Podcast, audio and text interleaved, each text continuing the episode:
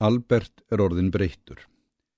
Eftir misefnaða pílagrímsför út í heim má ganga á því vísu að í otta skerist við hann þegar það kemur á daginn að afrakstur þeirrar ferðar verður aldrei skrifaður tekjumegin í stóra dæmið hans. Það kemur því á óvart að hann víkur aldrei að því orði. Hann er orðin fálátári og þumbaralegri en hans var vandi, jafnvel utan við sig á stundum eins og hann kom að fjöllum, tilgangslöst að spyrja hvað valdi og sjálfur gefur hann engar skýringar. Óneitanlega kemur það sér vel í aðra röndina að þurfi ekki að gefa skýrslu. Sjálfur er maður þreyttur og vonsvikinn eftir að hafa haft það eitt upp úr krafsinu að Albert hafði rétt fyrir sér, eins og æfinlega.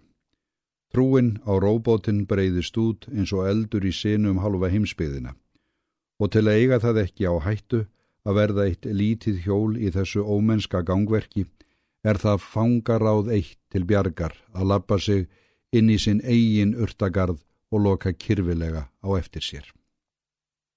Laung, laung eigða í slóðina þar sem við ekkert er að styðjast.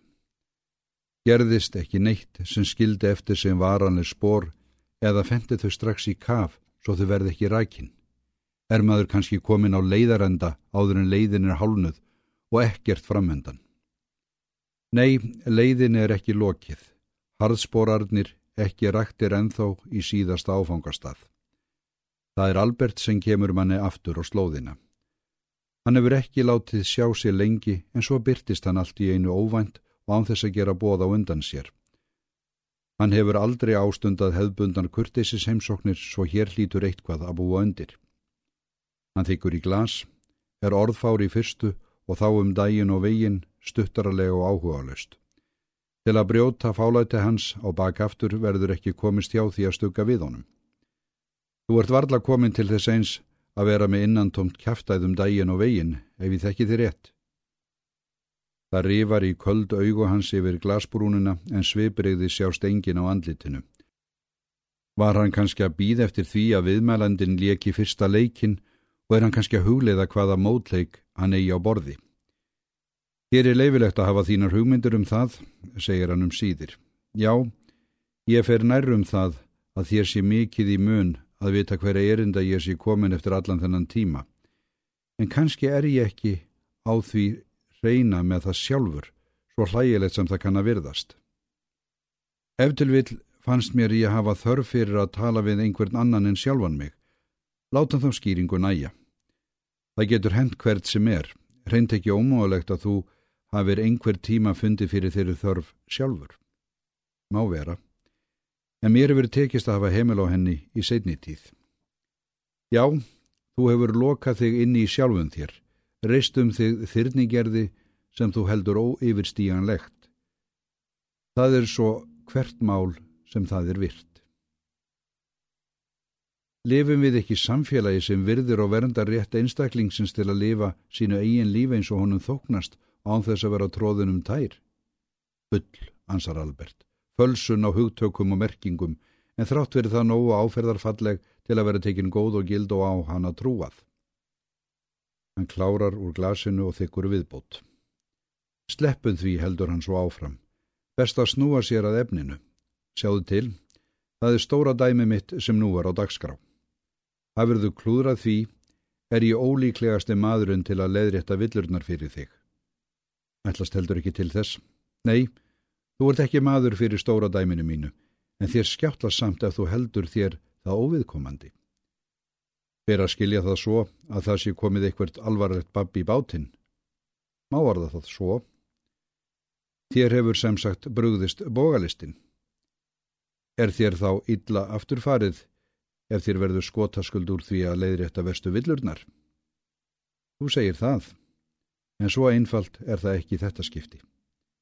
Áttu við að sjálf formúlun hafi gert þér grikk. Formúlur geta brúðist eins og allt annað. Það verður saga til næsta bæjar þegar það vittnast að þú hafi reikna stóra dæmi þitt eftir rángri formúlu. Geng ekki ykkur blanda því. Vel á minnst, hvar er hann núna nýje tannhjólaguðin þinn sem þú sagðir einu sinni eiga svar við öllu, meira segja sjálfur í lífskátinni. Hvers vegna lapparðu þig ekki til hans? Það ætti ekki að standa í honum, stóra dæmið þitt. Eðrileg spurning, segir Albert án þess að fyrtast. En hann heimtar ákveðna formúlu til að skila réttu svari. Þar stendur nýfurinn í kunni. Hann er þá ekki alvitur og alfullkominn frekar en aðrir guðiðir.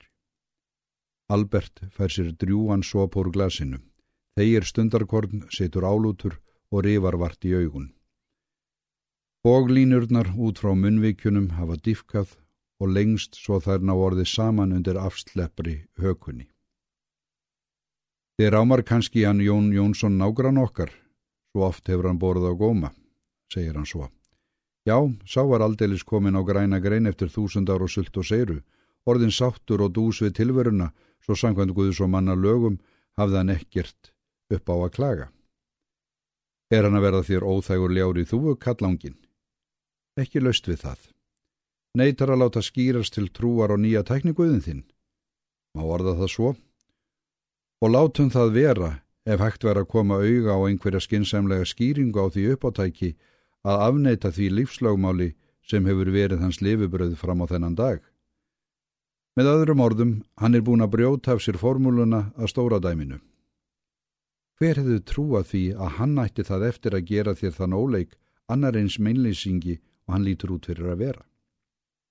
Kanski er hann ekki mikill bóur svona prívat. En hann er ekki lengur neitt smákalli þegar búið er að markvalda hann með miljón. Enda þótt, samkvæmt lífslögmálunum, er hann Jón farin að eldast og úthaldið að bila. Getur ekki verið að hann sé bara að verða sér út um svolítinn sumarauka áður en hann leggst endanlega í vetrarhýðið. Hann á orðið allt til alls, heldur Albert áfram, án þess að láta slá sig út af læginu og með meira hefur hann ekkert að gera. Það var dálítið annað í gamla daga þegar hann fór á stúfana í vígamóð undir rauðum fána og heimtaði vinna og brauð því þá hafði sá góði maður enga að tapa en allt að vinna. Nú hefur hann öll að tapa en ekkert að vinna. Dæmið hefur snúist við. Albert er að komast í ham og best að lofa honum að leta betur á sér án þess að taka fram í fyrir honum. Þú varst að segja að hann Jón væri tekin að eldast og orðin úthaldslaus. En í fyrsta lagi eru yngar horfur á því að hann er dettu upp fyrir á næstunni og í öðru lagi er ekki lengur við hann einan að kljást. Það er sonur hans, Jón Yngri, sem kannskir potturinn á pannan í þessu öllu saman. Sá ætlar ekki að verða föðurbetrungur þó hann hefði fengið allt sitt á silfurdiski frá því hann var vanin á brjósti. Nei, hann virðist ekkert feimin við að þakka pent fyrir sig og þó samkominlægið millir þeirra feðga sé ekki alltaf í himnalægi er sama tippið uppi á þeim báðum haldi þeir sig geta klekt á mér. Er þetta kannski vísir að byltingu? Fjandin má vita hvað þeir ætlast fyrir, urrar Albert eftir að hafa bætt á sig úr glasinu. Vísast hafa þeir feðgar ekki hugmyndum það sjálfur, svo mikið er víst að hér er ekki uppsiglingu svo gamla og góða bylting sem ég átti höggi við hérna á árunum. Hún kom til dyrana eins og hún var klætt og vilt ekki á sér heimildir. En hún átt sig í hel strax og hún komst í feitt af því hún kunni sér ekki magamál. Skiptir ekki máli þó þeir fáu aflóa gatthestar sem livðu hann af, grípi núna tækifærið og fari á ról til að hóa í lætin. Við öðru býst maður ekki af þeim og þeir eru þó alltaf sjálfum sér sangkvæmur í forherðingunni. Einhver tilgang hljóta þér feðgar að hafa með þessu brambolti. Kanski tekstum að telja sér trúum það sjálfum, nussar Albert háslega. Ef hann Jón Yngri meinar eitthvað með því sem hann segir, ætlar hann sér ekki minna en það að skapa nýjan heim og að sjálfsöði stíl við eigin óskekju því sá gamli með öllu sínu hafurtaski sé laungu orðin úreltur og ekki á vetur setjandi. Og það er ekki lengur látið sitja við það eitt að þennja kæft. Þeir eru líka farnir að lappa og það ekki neina venjulega spásirtúra. Þetta er ungt og leikur sér. Það getur verið Jóni litla holl leksi að hlaupa af sér hornin áður en hann snýr sér að því fyrir alvöru að verða fullorðin og fyrirmyndar borgari. Heilega innfeldni, urrar Albert. Óveitar læra aldrei neitt að því að hlaupa af sér hornin. Einhvern mótleik lítur það eiga í bakhundinu því varla dregurðu uppgjafa fánan að hún þó þeir feðgar fara á stjá og hafi í hótunum. Rétt til getið, þeir eiga eftir að finna fyrir því hvar Davíð kefti ölið. Er þetta stríðsýfurlýsing af þinni hálfu? Ég þóra berjast ef í það fer og það er meira en hægt er að segja um suma. Já, ég veit að verður ekki lið að þér í þeim slag og það verður þá ekki fyrsta og eina skipti sem þú stingur af með lavandi skottið þegar ætlastir til að þú standir þig eins og maður. Albert er búin að tala sig upp í æsing og röddin orðin mjóng og skræk. Hann hefur drukkið ógætilegar en hann er vanur og kannski á það sinn þátti að honum fatar sjálfstjórnin. Ef til vill er það þrýstingur innanfrá sem er orðin honum ofurrefli. Samt er þetta oflánt gengið. Personulegar svíverðingar er ekki hægt að láta bjóða sér nefn í hófi en það þótt Albert eigi hlut. En tíminn er ekki enn komin til að hefja gagsókn. Hann tekur sér stutta málkvíld, köld augu hans blína á mann þvert yfir borðið eins og hann sé að miða á bráð í dauðafæri. Oft hittir þetta augnaráð beint í mark og meðan trúað var á góðsögnina um ljónið. En nú er brottur þess brotin, svo það er engin ógnvaldur lengur. Ertu klumsamann skratti, segir hann svo og það hefur slaknað á röddinni eins og hann hefur spennt bógan og hátt. Þú heldur kannski að þér komið þetta ekkert við, en til hvers heldur það ég hefi veðjað á þig í upphafi? Telur þér trúum að það hefði verið af einskjari góðmennsku og vorkunsemi til þess eins að þú getur helgað þig náttúruleysu dadri til eiliðar nóns við ímyndaðan og ójarnenskan guðdóm sem engin vitiborin maður tekur marka á lengur. Hafur þú tapað því um aðli er það þinn höfuðverkur. Þú segir það, en það kann samt svo að fara að þú eigir það eftir að finna fyrir honum í þínum eigin kolli. Hafur þú klúðrað stóra dæminu þínu er það á þína eigin ábyrð og ég á ekki neinum persónulegum útistöðum við Jón Jónsson. Mér er ósárt þó hann velgi þér undir uggum. Hann má líka marsjera norður og niður fyrir eigin reikning mín vegna og kannski væri best á því að þú erður honum samferða þangað upp á gamlan og góðan kunningskap. Ætli ég mér til helvítis að rata ég þangað einn og upp á eigin spýtur, gargar Albert. Og kannski er svo leiðin ekki verri en hver önnur sé hún genginni þeirri trú að hún liggi til fyrirheitna landsins en áðurinn ég lappa með þangað hef ég hugsað mér að gera upp reikningana við Jón og allt hans skildulið og eigi hann eftir að snýta rauðu getur hann sjálfun sér umkent. Já, þú hefur nógum til að skipa til að vinna það verk fyrir þig, svo þínar fallegur hendur megi haldast kvítar og óflekkaðar. Það rifjast líka upp fyrir mig núna að þú þólir ekki að sjá blóð. Albert kippist við, augun skjóta snöggvast lifturum en þau slokna jafnskjótt og þau byrtast. Hann sígur lítið eitt niður í sætinu og hendur hans sem hafa leið fram á borðið dragast tilbaka unstar hverfu undir borðbrúnina. Talaðu varlega, segir hann um síður og með erfiðismunum, um leið og hann gerir veikburðan tilraun til að hækka sig í sessi. Sjálfur ert ekki svo upplitt stjárfur þegar auðiliturinn er annars vegar að þér farist að nutta öðrum upp úr honum. Já, býtu bara hægur, heldur hann áfram og sækir í sig veðrið. Ég, Albert, er ekki enna baki dottin. Umkunnalögt karlagróp, næstum broslegt. Trátt fyrir kókristina ber hann engan ægi sjálf lengur.